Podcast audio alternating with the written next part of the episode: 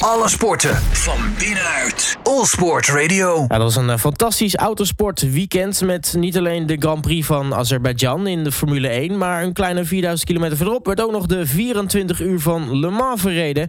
Kortom, uh, genoeg om over te praten. Dat ga ik in uh, dit geval doen met niemand minder dan Tim Coronel. Tim, hele goedemiddag.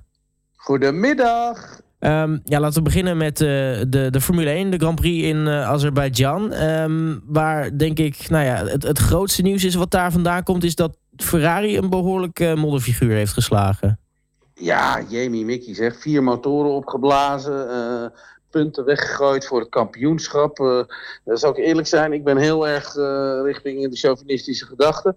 Maar ik durf ook te zeggen, goh, wat was dit lullig voor die Italianen, zeg. Ja, uh, Sainz uh, remproblemen. Uh, nou ja, Leclerc plofte zijn motor natuurlijk. Ja. Zoveel punten weggeven. Is dit, is dit misschien, ja, tot, totdat ze misschien de betrouwbaarheid onder op orde krijgen, toch misschien een beetje de, de, de nekslag voor, voor Ferrari? Ja, ja, ja, ja, elke race is een nekslag natuurlijk. Ik bedoel, uh, als je ziet hoe ze ervoor vechten en alles. En hoe het er aan het begin van het seizoen uitzag. Maar het begint nu wel wat pijnlijker te worden. Dus ik, ik snap waar je naartoe gaat. Maar ja, uh, er is maar één ding binnen Formule 1. Dat is uh, over de finish. de prijzen zijn aan de finish. Dus ja, het is heel simpel. ze moeten dit oplossen. En anders wordt het echt nog wel een probleem de rest van het seizoen. Of heel makkelijk voor Red Bull. Ja, want ze lijken een beetje de rollen omgedraaid te hebben. Hè? Red Bull begon het seizoen met, met wat uh, betrouwbaarheidsproblemen. Uh, Ferrari leek het op orde te hebben, maar dat, dat is nu een beetje andersom. Ja, je ziet nu, terwijl de temperaturen in de motoren komen... en misschien wel wat verder opgeschroefd die motoren zijn... ja, dat er toch echt, echt problemen ontstaan. Hey, in één weekend vier Ferrari-motoren. Ja, ik vind het nogal wat hoor. En dan ook nog een bakprobleem natuurlijk bij Sainz. Ze zeggen dat rem is, maar was gewoon bak. Dus ja, ik, eh, ik ben heel benieuwd. Nou ja, Max Verstappen wint de Grand Prix uiteindelijk. Die uh, nou ja, uh, maakt eigenlijk het, het, beste van de situatie gebruik. Uh, Sergio Perez die, die wordt tweede. sowieso voor Max wel, wel lekker. Want die leek natuurlijk vorig jaar heel lang op weg naar de overwinning in Baku. Totdat die, die, die klapband ineens was. Dus dat is misschien ja. voor hem ook een even, even, even een mooie opsteker. Nou ja, uh, wat er eigenlijk natuurlijk gebeurde is dat uh, Red Bull rustiger aan ging rijden. Hè. Ze gingen de race delegeren. Of, uh, ja, en Mercedes zat nog op vol gas. Dus, dus voorlopig hoeft Red Bull niet alles uit alles uit de kast te halen om de auto pijn te laten doen. En de banden bijvoorbeeld pijn te geven. Dus ja, dat hebben de engineer en Max keurig geregeld. En nu uh, nou ja, eindigt uh, George Russell uh, weer op het podium. eigenlijk tot nu toe elke race volgens mij in de top 6 geëindigd. Misschien top 5 zelfs. Wat dat betreft mevrouw voor hem het seizoen ook hartstikke lekker. Um, hij zou zomaar toch de, de lachende derde letterlijk kunnen gaan worden in, in, in, het, in het wereldkampioenschap als het zo doorgaat. Want zoveel punten achterstand op Leclerc heeft hij niet meer. Nee, nee, het, ziet er echt belachelijk goed uit voor, uh, voor Russell. En, en het is niet zomaar even een eendagsvlieg, het is echt een trend. Uh, ja, hij haalt echt het maximale uit die auto. Die auto die shoot hem beter dan, uh, dan Hamilton, want Hamilton die struggelt echt. En ja, als je ook wel ziet, ik durf ook wel te zeggen, ze hebben hem wel heel scherp afgesteld. Want het is net een kangeroe die over het rechte stuk gaat. Ja, je noemt Hamilton al. Die uh, gaf aan ontzettend veel last van zijn rug te hebben. Uh, gaat dat nog parten spelen eigenlijk? Want de, je hoort al mensen zeggen van... Uh, gaat hij de volgende Grand Prix... is hij er dan wel bij als hij echt zoveel last heeft van zijn rug?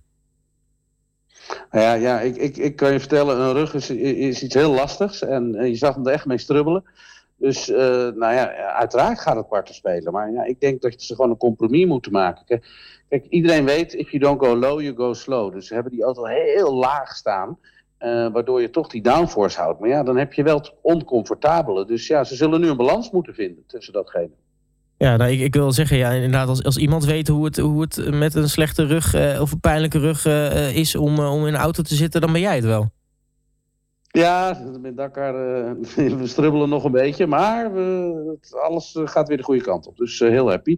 Maar ja, Hamilton heeft er echt last van. En nou ja, de mensen die dat vaker hebben meegemaakt, ja, die, die, die, die, weten wat het is. Ja, het, het is iets heel lastigs. maar ja, het hoort er eenmaal bij. Dus ik denk dat ze automatisch straks de auto natuurlijk iets hoger moeten gaan zetten. Omdat het te oncomfortabel nu aan het worden is. Ja, en dan gaan ze gewoon langzamer. Ja, het geeft wel aan zeg maar, hoe heftig dat, dat purposing is. En, zeker bij Mercedes die er al helemaal veel last van hebben.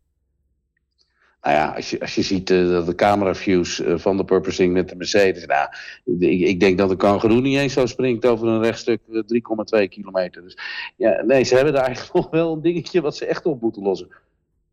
Ja, als we kijken dan nu naar de, de stand in het kampioenschap. Nou ja, Red Bull en Max en Sergio Perez die nemen natuurlijk ver afstand van de plekken onder zich. zeker met, met de Ferraris natuurlijk die nul, nul punten laten, laten noteren dit weekend. Maar ja, wat, wat, betekent dit eigenlijk voor het, voor het WK? Want nou ja, het seizoen is nog steeds natuurlijk heel erg lang. Maar het is natuurlijk al het tweede weekend op rij dat, dat Ferrari, uh, misschien wel het derde weekend op rij, zoals dat, dat Ferrari er eigenlijk niet heel erg lekker bij zit uh, met, uh, met, met problemen. Ja, nou ja.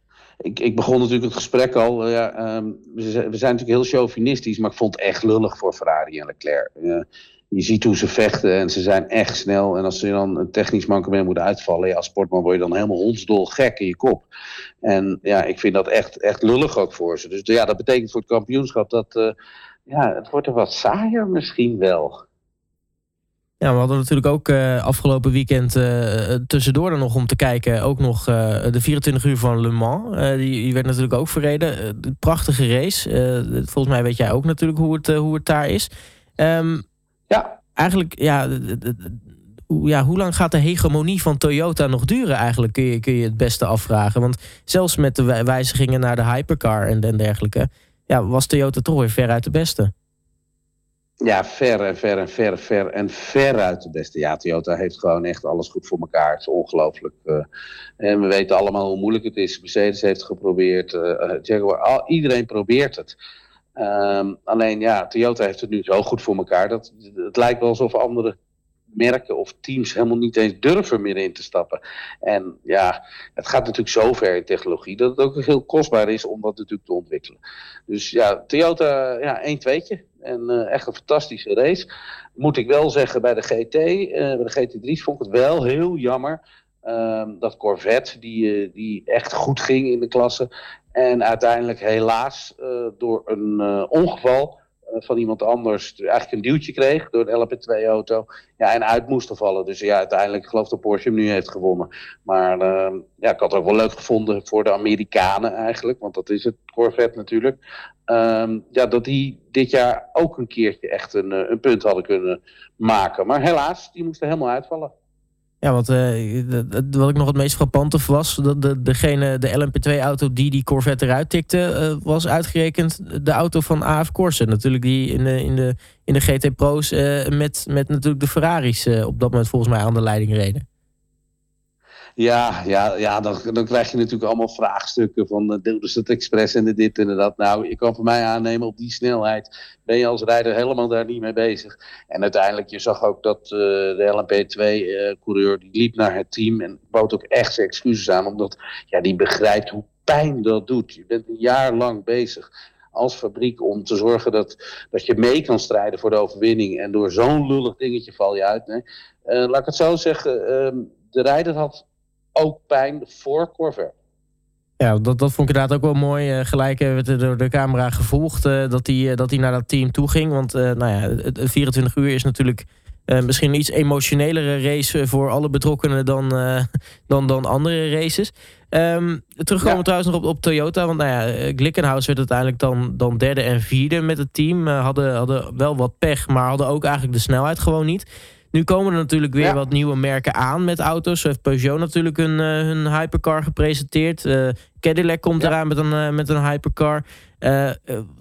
die volgende generatie auto's die er dan nu aankomt, hè, met nieuwe merken en dergelijke, kunnen, kunnen die misschien de strijd weer losbarsten? Weet je, een beetje het ouderwetse Audi, Peugeot, Toyota verhaal. Het zou wel mooi zijn als die strijd weer een beetje komt. Maar je moet niet vergeten, ja, Um, Toyota heeft zo'n belachelijke voorsprong. Ik denk dat ze ervan uitgaan dat zijn eerste jaar uh, natuurlijk een leerjaar is. En dat ze tweede of een derde jaar dan pas weer in de aanval kunnen.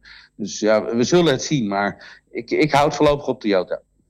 Uh, qua Nederlanders uh, was het ja, helaas dit jaar niet, niet een heel erg succesvol weekend. de, degene die nog eens dichtstbij kwamen, dat waren Timer van der Helm en, en nou mogen toch wel zeggen Super Sub Nick de Vries. Ja, ja uh, leuk om Nick natuurlijk in een lange afstandsrace te zien. Uh, en maar ja, uh, helaas supergoed gingen ze niet. De enigste die natuurlijk goed onderweg was, was Robin Vrijns. Alleen ja, die maakte zelf een fout en boorde ja, de voorkant van de auto eraf. Dus ja, helaas niet echt veel Nederlands oranje tintje succes aan het einde van de finish. Nou, wie weet is dat voor de volgende keer weer. laten we daar natuurlijk op, op hopen. kortom, volgens mij hebben jij en ik allebei gewoon een fantastisch autosportweekend gezien en achter de rug. En laten we hopen dat er uh, nou ja, over een paar weken natuurlijk weer, eh, als er weer Formule 1 uh, eh, geraced wordt, weer, weer een mooi weekend mag zijn. Tim Cornel, mag je in hartelijk danken voor je tijd en spreek je natuurlijk snel weer. Graag gedaan. Doei doei. Alle sporten van binnenuit. All Sport Radio.